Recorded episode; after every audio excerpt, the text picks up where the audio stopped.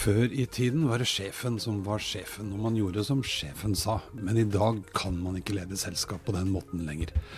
Enda vanskeligere blir det jo hvis man i tillegg jobber i en bransje som ikke lenger er så populær. Hva skal man gjøre da? Det handler om å gi ansvar og frihet, sier dagens gjest. Folk må få være med på å bestemme, de vil være med på å skape og få lov til å påvirke hva selskapet skal holde på med. Dagens gjest er Jonny Hesthammer. Jonny leder oljeselskapet M West Energy i Bergen, som i tillegg til å jobbe med utvinning av olje, også har satt i gang prosjekter for bl.a. rensing av vann og et fantastisk spennende digitaliseringsprosjekt litt utenom det vanlige. Ny kompetanse leies inn, og de ansattes ideer og løsninger blir realisert. Jonny selv er utdannet geolog og har doktorgrad i geologi, geologi og geofysikk. Han har jobbet som professor på Universitetet i Bergen, og har jobbet for Equinor, eller Statoil som det vel het den gang da. Han har startet flere oljeselskaper før M West Energy, og er utrolig opptatt av hvordan vi kan skape en kultur for innovasjon og entreprenørskap. Dette er 30 minutter inn i fremtiden, og jeg er Eirik Normann Hansen. Jonny, hjertelig velkommen hit til meg. Tusen takk. Veldig hyggelig å få lov å være her. Det er bra. Du har liksom tatt deg turen over fjellet til Oslo. Ja, jeg... Nesten ens ærend for å komme og besøke meg i uh, hytta mi. Ja, og så tenkte jeg det skulle være finere vær, men det var jo ikke helt tilfellet. Det øser jo ned. Det er bare for at du skal føle deg trygg. Ja, jeg ja. føler meg veldig hjemme. Det er bra. det er bra. Men du, vi skal snakke litt om nærmeste fremtid, og du har jo en veldig spennende bakgrunn. Vi har jo kjent hverandre en liten stund nå. Eh, geolog ja. egentlig. Ja, doktor og greier, og vært professor på universitetet og sånn. Men oljebransjen ble liksom ditt uh, nedslagsfelt på et vis? Ja, det var jo en periode Jeg ble såpass gammel at når jeg var ferdig utdannet, så var det oljebransjen man gikk inn i. Da. Men uh, man blir jo geolog fordi man er glad i naturen. Ikke sant? Det er, vi, jeg går fremdeles i fjellet og kikker inn i fjellveggene istedenfor utover dalen. For en stein er ikke en stein. Nei, er du gal. Det er så ja. utrolig mye spennende. Jeg husker du fortalte om de fantastiske turene du vel kanskje nesten driver med ennå til USA med studenter og sitter på parkeringsplass og snakker om steinen dere har sett på i dag. Ja, ørken i Utah er jo helt fantastisk. Der bør folk absolutt reise. ja, Anbefales. Men det er lov å si at du er nerd? Ja, eh, absolutt. Jeg elsker jo eh, faget mitt, men jeg elsker også å fordype meg. Jeg elsker mm. fakta, mm. sette meg inn i ting og prøve å forstå ting. Enten det er teknologi eller geologi eller hva det nå måtte være, så er jeg en nerd. Ja, det, er sant. Det er bra. Det er bra. Men ja, det, nå driver du et oljeselskap. Ganske ja. nystartet nå. Du har startet flere oljeselskap, men nå driver du et som heter M West Energy i Bergen. Ja, ja. startet i 2016. Eh, det er jo utrolig spennende. Det er ikke det første oljeselskapet jeg har startet, men eh, det er veldig gøy. Ja. Jeg synes det er spennende. Mange gode fagmennesker som er med meg, da, som jeg kan stole på. Det mm. gjør det gøy. Men, men, hvordan er det å være i oljebransjen om dagen? Det er jo liksom ikke For noen år siden så var det det tøffeste man kunne drive med. Sånn er det ikke nå. Nei, du må rette opp ryggen og heve hodet og eh, si at det vi holder på med, er faktisk eh, veldig viktig. Det betyr eh, mye for samfunnet. Det betyr uh, mye for uh, Spesielt for Norge, som har en historie med, med mye av rikdommen som kommer fra oljen. Uh, og så må vi jo innse at ting skjer også med klimaet, så vi må tilpasse oss. Men Nei, jeg lever godt som uh, geolog og i oljebransjen. Jeg syns at det vi holder på med, er viktig og kommer til å bli viktig for Norge i mange år framover. Mm. Selv, selv, om vi skal fase ut olje og gass på sikt. Ikke sant? Ja, men, men, det kan jo dere bidra til. Altså, du har jo vært veldig aktiv i, i, i debatten nå om alternative energikilder, f.eks. Mm. Ja. Jeg, jeg, ser litt av det som, eh, som eh, jeg prøver å forholde meg til, er jo realismen i det vi gjør. da. Sant? For på syvende, til syvende og sist så må vi fase ut olje og gass. Og helst skal vi fase det ut så fort som mulig.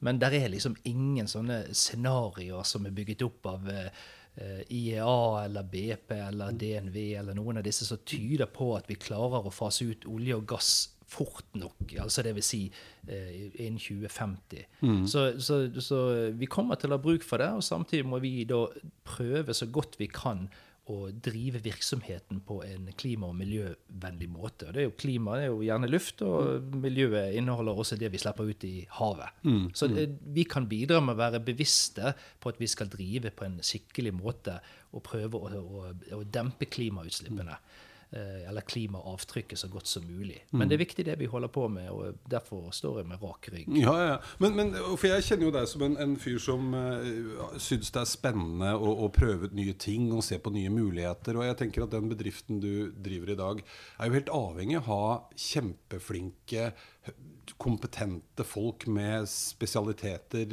som krever mer enn to år på en eller annen skole. Ja. Eh, og da må man jo gjøre den plassen attraktiv. Eh. De fleste som eh, jobber i min bedrift, de eh, har doktorgrad. Og eh, hvis de ikke har doktorgrad, så har de høy kompetanse. Og de fleste har også lang, lang erfaring. Dette er jo særdeles dyktige medarbeidere som mm. det er mulig å stole 100% på. Mm. Eh, men de må jo også skulle, de skal også trives, og de skal også leve i oljebransjen med en visshet om at det er en bransje som er under press for tiden. Og eh, det finnes eh, mange gode ting som vi kan drive med. Også gøye ting. Mm. Nerdeting, teknologiting, digitalisering. Eh, det skjer veldig mye der. Og så skjer det også veldig mye spennende innenfor teknologien når det gjelder å lete og utvinne olje og gass. Mm. Så er, det mangler ikke på utfordringer. Det er faktisk en utrolig gøy bransje å være i. da. Mm. Men, men som, som, leder da i en sånn bedrift eh, og det, jo, Dette er jo ikke det første oljeselskapet du, du driver. Eh, og så har du jobba i Statoil en gang i tiden. og sånn, altså, Du har jo sett en utvikling blant hva heter det for noe? kompetanse, nei, eh, kunnskapsmedarbeidere, kunnskapsbedrifter, mm. som sikkert har endret seg veldig. Hva er det folk, Du som leder, da, hva, hva må du passe på nå for å, å, sørge for at de riktige folka blir hos deg? Du må verdsette de. Du, ja. må, du, må, virkelig vise at du setter pris på dem, at, de, at, du anerkjenner at de er så dyktige som de er. Mm. Og det føler jeg jo at jeg har fått til, for de eh, fleste av de som jobber i min bedrift, de har jeg jobbet med gjennom flere av disse oljeselskapene som, mm. Eh, som jeg har startet. Mm. Eh, og da får du en, en lojalitetsfølelse, men den den strekker seg jo til det nivået hvor du sjøl eh, klarer å verdsette medarbeiderne skikkelig. Mm. Så gi de ansvar, eh, sørge for at de får frihet til å gjøre ting på sin egen måte, tolerere at de kan feile. Mm. Og, eh, og eh, la de få muligheten til å dyrke fram de tingene de brenner, på, eh, brenner for. Mm. De blir best når de får lov å jobbe med ting de har lyst til å jobbe med. Ja, ikke sant? Men, men opplever du at du har gått fra eh, å være sånn Back in the days så var jo ofte Sjefen var sjefen. Og, og sjefen kunne, vest, kunne, mest og visste best. Og selv om ikke det alltid var sant, men det var litt sånn det var. Og så, så gjorde man sånn som sjefen sa. Mens det du sier nå, er litt annerledes. Eh, er det lett eller vanskelig, syns du, å, å slippe folk frem? jeg tar meg sjøl veldig lite høytidelig. Da.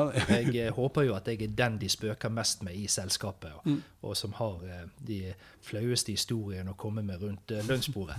Så, så, jeg mener jo at er, for meg er det fint å være leder i den tiden vi er i nå, fordi at ting har endret seg. Det å det leder tidligere var en som satt oppe på på en stol og uh, fortalte hva som skulle gjøres. Sånn fungerer jo det ikke lenger. Kunnskapssamfunnet har endret seg, og det må vi jo tilrettelegge for.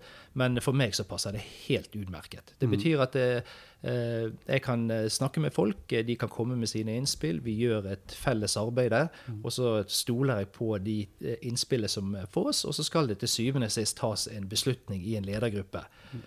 Og det gjør vi veldig åpent. Vi liker å være åpne i vår dialog med de ansatte og i ledergruppen. Og da føler folk seg også trygge. Mm. Ja, for det er vel et stikkord. Å, å få til den der trygghetsfølelsen. For det er jo bare lett å si at her kan du gjøre hva du vil, og det er greit å feile og sånn, men når det kommer til stykket, så kan man jo ikke drive og feile hele tiden, for da eh, blir det jo ikke noe butikk av det.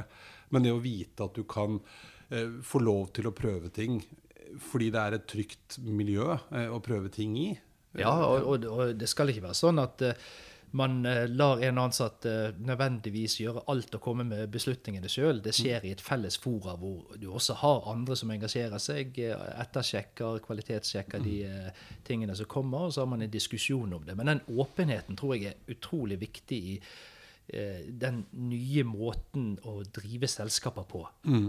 Og ikke minst akkurat det at de får anledning til å, å føle at eh, hvis en medarbeider skal føle seg engasjert, så må den medarbeideren føle også at han eller hun får et ansvar, mm. og at de blir stolt på, sånn at mm. de er viktige. Da blir de engasjerte medarbeidere. Og mm. det eh, velger du å kjøre en lederstil som ikke representerer det i dag, så tror jeg du taper veldig fort. Ja, Ja, Da blir du upopulær, og det blir uengasjerte medarbeidere som helst har lyst til å gå hjem klokken fire. Ja, ikke sant? Ja. ja, for det er man litt avhengig av. Vi, vi hadde en eh, episode for en, noen uker siden hvor vi snakket mye om nettopp behovet for å være entreprenør. Eh, altså Hele organisasjonen din må være mye mer eh, entreprenør... Eller hva heter det for noe? Altså, tankegangen må være som om man starter opp noe nytt hele tiden. Eh, hvordan føler du det er hos dere? For Det er jo veldig lett å tro at oljebransjen det er en sånn gammel traust greie, og så driver de med det og borer noe hull i bakken og får opp noe olje. Men det er jo ikke sånn. Ja, eh, det er jo forskjell i størrelse på selskaper. Altså, nå er jo ikke vi Equinor. Vi er en liten bedrift med 15 ansatte. Og eh, det gjør at vi kan snu oss rundt. Vi kan gjøre ting mye mye raskere enn hvis du har hovedkontor i Madrid eller i Tyskland et eller annet sted. Så kan vi ta raske beslutninger. Så vi har en helt annen sånn driv som et lite selskap. Og jeg tror vel eh, aldri jeg kunne vært leder for et eh, selskap med mange tusen ansatte. Det hadde ikke passet for, for meg. En liten gruppe mennesker hvor du kjenner hver enkelt person veldig godt. Da kan du lage et uh, stimulerende arbeidsmiljø hvor folk får lov å dyrke fram sine tanker, og vi kan gjøre spennende ting. Og vi har startet flere selskaper. Ja. Uh, Spin-offs fra det vi har holdt på med i oljebransjen. Digitalisering, vannrensing. eh, ting som gjør at det er gøy å komme på jobb. Men ja, for det, det har, Jeg har jo fått se ett av de, det digitaliseringsprosjektet, som vel nå er i ferd, eller har blitt et eget selskap. Men hvor, hvor, hvor oppstår sånne ting? Er det liksom du som har en idé, og så setter man i gang? Eller er det en del av For det er jo ikke det dere primært skal drive med. Nei, Hvor ideen kommer fra, det, vet du hva, det aner jeg faktisk ikke. Den det er fra dere? Opp. Ja, Ja, det, er fra, ja. det er fra oss. Den popper opp et eller annet sted ifra, og så eh, kommer der eh, kanskje noen utenifra som har også tanker og ideer om hvordan de skal gjøre det, sånn som det var med vannrensingen. Da. Men, det, men det, da, da griper vi fatt i de ideene, og så diskuterer vi de. Kan dette gi mening? Men det er klart vi har, eh, vi, eh, vi har mye erfaring ifra det vi har holdt på med. sånn at når vi skal jobbe med ting, så skal vi, så skal vi holde på med ting som vi kan noe om. Det er litt viktig. Og den eh, digitaliseringen som vi har gjort i selskapet, det er jo fordi at oljebransjen har samlet inn så ufattelig mye data. Og eh, i Norge så har vi vært veldig flinke til det. Det offentliggjøres, det er tilgjengelig for alle. Men det har ikke vært noen gode måter å kunne ta hånd om alle de dataene som finnes. Så da tenkte vi, hva gjør vi med det? Og nå er det jo en sånn, nå er det jo sånn digitaliseringsmodus i eh, samfunnet. Så det vi fant ut av, var at eh, var med å hanke inn noen eh, folk som var gode på gaming, 3D-visualisering, den type ting. Og så tar vi alle dataene fra, fra Nordsjøen og norsk sokkel, og så visualiserer vi de på en litt OK måte. Sånn at vi kan, vi kan ta bedre beslutninger, trekke inn eh, maskinlæring og, og nyttiggjøre oss alle de dataene som finnes der, på en litt enklere måte enn det som du ellers ville gjøre med å gå inn i Excel-regneark og grave ut det du er på jakt etter. Så det, og det har jo vært et utrolig spennende prosjekt. da. Og vi, er- vi som jobber som oljegeologer eller geofysikere, vi har jo lært veldig mye ved å jobbe sammen med folk som driver med gaming. Ja, for det, det er jo ganske spesielt å trekke inn en gjeng. For det var et selskap som i utgangspunktet har drevet med spillutvikling, ikke sant? Ja. Ja. Og det, det var jo eh, synes vi, de første lunsjene vi hadde sammen. da. Jeg skjønte veldig fort at vi kan ikke sitte på hvert vårt kontor. Det går ikke an, for da forstår vi hverandre ikke. Så vi måtte, vi må, måtte rett og slett sitte sammen. Og det var, det var litt interessante samtaler de første lunsjene. Det var eh, to, eh, to forskjellige mennesketyper som møttes. Men etter hvert så ble jo det utrolig gøy. Det ble veldig spennende, og vi klarte å utvikle ting som eh, skaper stor oppmerksomhet hos Oljedirektoratet, Olje- og energidepartementet og oljeselskapene. Mm. Fordi at, vi, fordi at vi synliggjør data på en måte som ikke har vært gjort før. Og da kan du det med, med datakapasitet og teknologiutviklingen som skjer. Ja, for- det er det som er så fantastisk. Jeg vet ikke hvor mye vi kan snakke om akkurat det dere har laget ennå. Jo, det vi kan godt si det. Det vi har, det vi har gjort, er jo at vi, vi griper fatt i brønndata. Eh, ting som har vært tolket eh, av geologer og eh, geofysikere, som er gjerne ting som befinner seg to kilometer eh, ned under havnivå. Og så eh, bringer vi det opp det i 3D-modelleringer, hvor du kan veldig enkelt visualisere de dataene. Og så bruker vi maskinlæring til å automatisere genereringen av ting som vi ellers kanskje aldri ville ha laget. Sånn at vi kan eh, veldig raskt få oversikt over hva som er tilgjengelig, og eh, dermed ta bedre beslutninger, forhåpentligvis. Og raskere beslutninger. Jeg er så heldig at jeg har fått se en demo av dette. Jeg husker Det første jeg tenkte, eller jeg tror jeg sa det til, at dette her er jo Grand Theft Auto for oljebransjen. For det er jo ganske fascinerende. Man ser liksom et norgeskart og med hele kontinentalsokkelen. Og så kan du zoome deg inn, og til slutt så er det plattform i 3D, og havet beveger seg og ned under havet, og se hva de borer opp, og hvor de borer. og Det er jo helt fantastisk. Det er et utrolig, utrolig kult produkt. og det må jeg jo si, jeg er veldig stolt over at vi har klart å utvikle det produktet. og Det er litt sånn som ting må nesten bli etter hvert som man beveger seg framover. Man, ønsker, man ønsker å kunne gripe fatt i alle de dataene som finnes, men det er så ufattelig mye at du er nesten nødt til å tenke litt smartere på å få tatt i bruk på en god måte. Ja, ikke sant? For dette har dere skilt ut nå i et eget selskap, og dette skal bli en tjeneste som ikke nødvendigvis bare dere skal bruke, men som andre også kan få tilgang til, eller? Ja, fordi at på et eller annet tidspunkt så blir det litt meningsløst å, å si at uh, dette skal vi bare sitte og utvikle sjøl internt. Vi er et lite selskap, og uh, det blir mer et sånn Dette lager vi som et prosjekt, men når det prosjektet er ferdig, så bør jo dette tilgjengeliggjøres for de andre oljeselskapene også, sånn at vi kan bruke det sammen. Mm. Og at vi kan, vi kan, når vi skal ha lisensmøter, så kan vi sitte og bruke dette produktet. Og vi kan eh, visualisere de tingene som trengs å visualiseres. Og det er jo sånn, Du kan jo bevege deg inn fra, fra uh, overview. Jeg, jeg, sa når vi skulle utvikle det, at uh, dette blir en slags uh, Google Earth for oljebransjen. Mm. Hvor du kan gå fra 2D inn i 3D, mm. og så kan du zoome deg inn på et felt. Og så kan du få opp et dashbord som viser hva er produksjonen i dag, hvilken ting er det som varsler har kommet opp i systemene. Er det noen ting, Hvilke skip beveger seg i områdene rundt? Veldig lett få et dashbord som gir en oversikt over alle disse tingene, slik at du kan gripe fatt i akkurat de problemene som du trenger å gripe fatt i akkurat der og da. Ja, veldig spennende. Men dette er et resultat av at dere egentlig holdt på med oljetingene, eh, ja. og så har dette balla på seg. Så dere har leid inn noen utenfra for å, å hjelpe til med litt, men, men, i hovedsak så er det et prosjekt som dere eier, og du og dine ansatte jobber med? ikke sant? Ja, ja. Og, og, det er jo det som er litt spennende, at når du har jobbet i oljebransjen, så er det en det er, veldig mye god teknologiutvikling i oljebransjen. Altså, mm. Det vi holder på med, er jo som å, om en tannlege skulle sittet i toppen av en skyskraper og båret et hull i en jeksel på en som satt i første etasje, noen, noen, et, et, stykke bort forbi. Mm. Mm. Så det er avansert teknologi som, eh, som, utvikles i oljebransjen. Og den kunnskapen om den teknologiutviklingen, den har jo en mulighet til å brukes i så utrolig mye annet. Og et, etter hvert så vil jo når olje og gass fases ut, så vil jo den kompetansen som oljebransjen sitter på, den vil jo være utrolig viktig til å trekke inn i sånne ting som fornybar og andre mm, ting som man mm. skal jobbe med i framtiden. Mm. Men vi kan mye om teknologi i oljebransjen. og eh, det har vært brukt mye ressurser på det. På det, ja. ja for det, det, er vel litt det kanskje som er eh, det å se det mulighetsrommet som, som åpner seg inn, uten, nei, altså utenfor den virksomheten dere driver med, og, og kunne bidra til å, å, løse utfordringer og problemer andre steder. Ja, det blir litt ja. sånn som så NASA gjør, ikke sant? De, de, I all beskjedenhet. Ja. ja.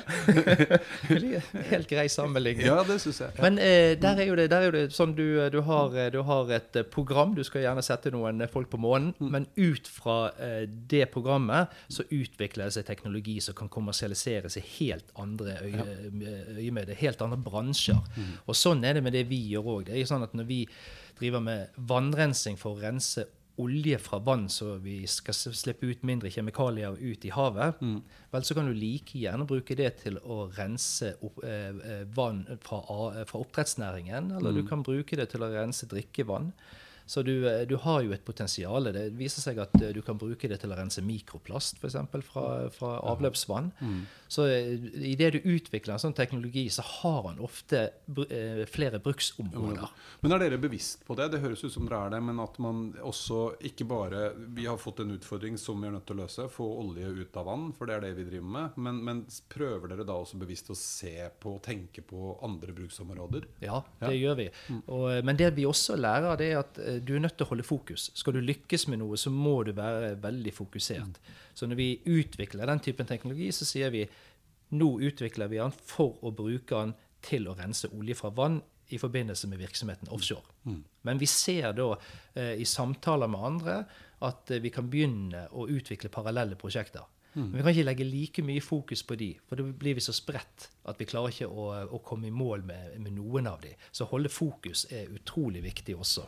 Ja, ja selvfølgelig.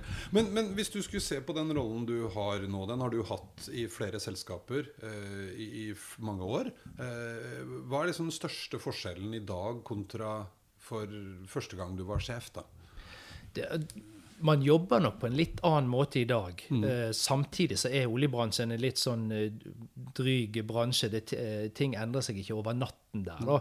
Men det som har skjedd, er jo at eh, vi fikk et oljeprisfall i høsten 2014 mm. som virkelig rammet Norge hardt, og mm. oljebransjen eh, spesielt hardt hvor man var nødt til å snu seg rundt. Så mm. den endringen der har jo gjort til at folk er veldig mye mer bevisst på effektivitet i dag. Så det er den ene biten at i dag gjøres operasjoner mye mer effektivt enn bare for noen få år siden. Mm. Eh, det andre er jo at eh, det er blitt så utrolig fokus på dette med, med klimaendringene. Slik at bransjen er nødt til å forholde seg til at vi er jo en av verstingene. Vi mm. produserer olje og gass og det er bare kull som er verre enn det.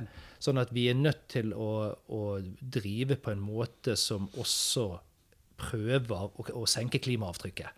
Mm, mm. Så de to endringene der, mer effektivisering pga. oljeprisfallet, mm. og eh, at vi driver på en enda bedre måte enn tidligere pga. fokuset på klimaendringene. Ja, ja, ja. Så, altså, fordi forutsetningene for det man driver med, eh, endrer seg, og, og konsekvensene blir ja. Men, men eh, så tenker jeg også på, hvis vi skal se litt fremover, eh, som leder Eh, litt uavhengig av bransje. Du holder på i din bransje, men du har sett store endringer der også.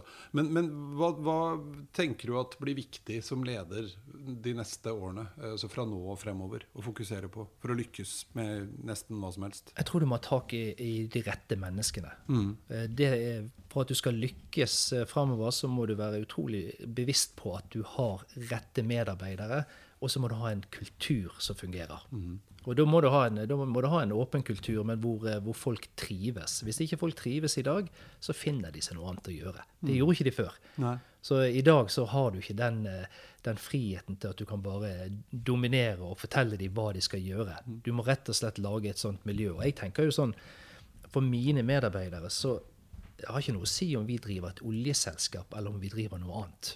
Vi kunne helt sikkert gjort noe helt annet med akkurat de samme folkene.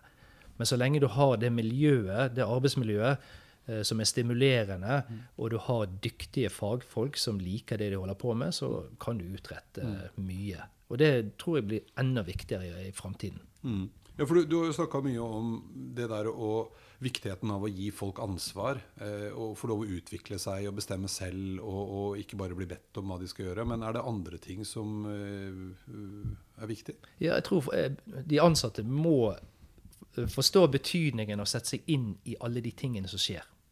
Utvikling den går bare raskere og raskere, så vi, det blir vanskeligere og vanskeligere å følge med. Mm. Så det er jo et det er jo sånn underliggende krav om at man må hele tiden oppdatere seg i dag kan ikke du eh, gå på jobben og si jeg skal holde på med det jeg holdt på med i går, mm. og det jeg holdt på med i forgårs. Mm. For nå skjer det så mye, mye, nytt. Det kommer så mye ny informasjon inn. Men mm. samtidig så er jo det også en fantastisk mulighet. Det kommer så mange Du har tilgang på informasjon på en helt annen måte. Mm. Men nå må vi lære oss å bruke den informasjonen på en fornuftig måte, sånn at uh, de ansatte kan komme opp med nye måter å gjøre ting på. Digitalisering vil jo definitivt endre måten man jobber på. Så vi, jeg ser ikke for meg at vi sitter og gjør de samme arbeidsoppgavene. For det kan du få maskiner til å gjøre en stor andel av. Mm. Men hvordan du tar beslutninger, det blir annerledes. Mm. Men det, det, blir på en måte alle sitt ansvar å sørge for at man forstår hva som skjer, og hva som er viktig å lære seg, og holde seg oppdatert og innforstått med endringene som kommer ja, men driver denne skuten, så må man eh, rett og slett sørge for at alle, alle bidrar til å få den til å gå framover. Mm. Og eh, da er ikke det én som sitter på toppen som klarer det alene. Nei, nei, det er helt umulig.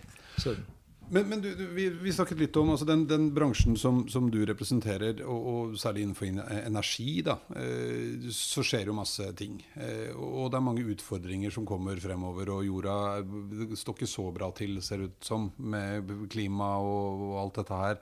Eh, men så husker jeg du sa til meg at en utfordring nå er at vi baserer, eller veldig mange baserer eh, seg på ting man tror er riktig.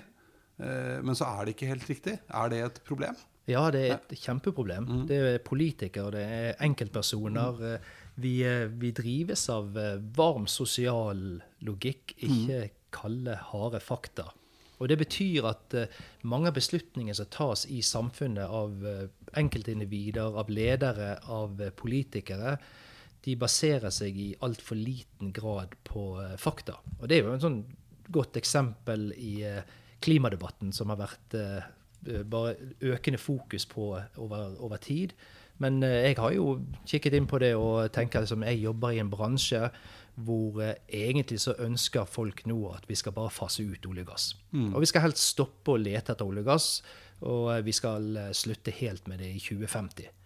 Og Da er det også min jobb å se er det realistisk. Kan det faktisk skje? Da må jeg eh, sette meg inn i eh, alternativene. Hva skjer innenfor fornybarvirksomheten? Og som geolog så er jo det interessant, for jeg vet jo det at eh, all fornybar gjør bruk av ikke-fornybare ressurser. Vi skal ha kobolt, vi skal ha kobber, vi skal ha neodym, dysprosium, vi skal bygge disse vindmøllene, vi skal bygge solcellepaneler, og vi skal bygge eh, batterier. Og vi ønsker å elektrifisere verden. Og da ser jo jeg at eh, ok, da skal vi ha en enorm økning av gruvedrift, men til syvende og sist så har vi ikke nok av disse metallene og mineralene. Så når du begynner å regne på det, så ser du at det faktisk blir eh, problemer med å skaffe til veie disse ressursene. Og det gjør jo selvfølgelig da at eh, det tar lengre tid å fase ut olje og gass enn det mange skulle ønske. Og så en annen ting, jeg har skrevet et par kronikker om det den siste tiden, sammen med en kjernefysiker som heter Sunniva Rose. Og eh, vi ser jo at kjernekraft er faktisk det tryggeste og mest klimavennlige energiformen du har. Faktisk bedre enn sol, bedre enn vind. Men vi drives av følelser, og vi drives da spesielt av frykt.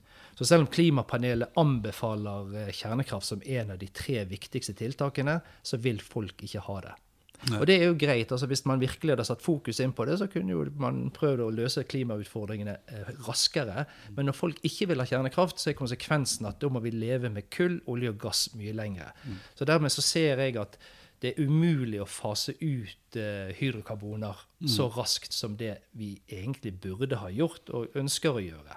Og det betyr jo også at eh, min jobb er nok trygg til jeg går av med pensjon. Ja, ja. Veldig lite bekymret Men, for men det er jo liksom, en ting er jo jobben til deg og meg, eh, men, men det er jo noe med verden som nå faktisk eh, Det skjer jo ting. Det er jo veldig fint at det er hyggelig at det er kjempevarmt i Norge om sommeren, men det har liksom blitt urovekkende mye varmere kanskje på kortere tid enn det mange liker. Ja, samtidig er det sånn eh, ting skjer gradvis. Altså Temperaturendringene som eh, klimaforskerne mener skjer, det er 0,015 grader temperaturøkning per år. 0,015 er veldig lite tall. Men det er klart over, over eh, en tiårsperiode så blir det 0,15 grader. Og til syvende og sist så ser vi at eh, de siste 40 årene så har temperaturen steget eh, mye raskere enn det den gjorde før. Og det lager helt klare utfordringer som vi er jo absolutt nødt til å gripe fatt i. Ja, ja. Og, og, og Norge er et rikt land. Vi rammes kanskje ikke så hardt. Og en, en temperaturstigning kan jo til og med være økonomisk positiv for et land som Norge. Og eh, for, for oss å ha den evnen til å vise empati nok med, med det biologiske mangfoldet og de menneskene som er fattige, som virkelig rammes av det, der, er- der, eh, der eh, føler jeg av og til at vi sliter litt med å komme i mål. Bompengedebatten som pågår, den typen ting. Ja. Så, men til syvende og sist så tenker jeg at Norge har en utrolig viktig rolle på å utvikle teknologiløsninger som, eh, som vi kan eksportere og implementere i de landene hvor det virkelig betyr noe. Ja, for, for, for det er jo liksom litt vårt ansvar. Jeg blir litt sånn svett personlig av å høre lese om sånn Ja, ja, men vi får bare satse på at de unge de løser dette, for de er så flinke. Men vi må begynne nå, må vi ikke det? Jo, altså Typisk så tar jo en teknologiutvikling 20 år fra du kommer opp med en idé til det er kommersielt tatt i bruk. 20 år. Så hvis vi, skal, eh, hvis vi skal ha noe å jobbe med etter oljen, så kunne det å være dyktige på teknologi knyttet til kjernekraft, eh, knyttet til fornybar eh, karbonlagring dersom vi skal satse på det, og så kan vi eksportere løsningene våre. Altså Norge er så bitte lite land, men jeg pleier å si at vi kan jo være et laboratorium hvor vi kan eh, utvikle teknologi så vi kan eksportere til de landene hvor det virkelig betyr noe. Der har vi en mulighet til å gjøre noe veldig viktig etter eh, olje og gass. Spennende. Hvis vi Nå skal, nå har vi snakket om liksom den nære fremtiden. Vi er nødt til å gi folk mer ansvar. Vi må sørge for å ha de riktige folka som er flinke og som har lyst til å være med på å løse utfordringer, ikke bare for vår bedrift, men kanskje se utenfor vår, vårt virke. Mange, mange store utfordringer å ta tak i. Men hvis vi skal heve blikket litt til, hva tror eh, Jonny er eh, situasjonen i 2030? Jeg tror jo egentlig at vi eh, de neste ti årene kommer til å drive omtrent sånn som vi har gjort før. Mm. Og så kommer vi til 2030, og så vil folk innse at eh, FNs eh, klimapanel sin målsetning om å om å, stoppe temperaturstigningen på 1,5 grad, mm. den har feilet. Vi slipper ut for mye CO2. Mm. Eh, og da kan det bli spennende. Mm. For da begynner politikere og samfunnet ellers å skjønne at nå har vi faktisk ikke mer tid. Da kan vi begynne med spennende teknologiutvikling. Det er da det skjer. Jeg tror at uh, ting virkelig tar av etter 2030. Ja, Gleder meg til det. Det er bra. det er bra. Tusen hjertelig takk for praten, Jonny. Ja, i likeså. Og så får du ha god tur hjem til uh, solfylte Bergen. hjertelig takk for det.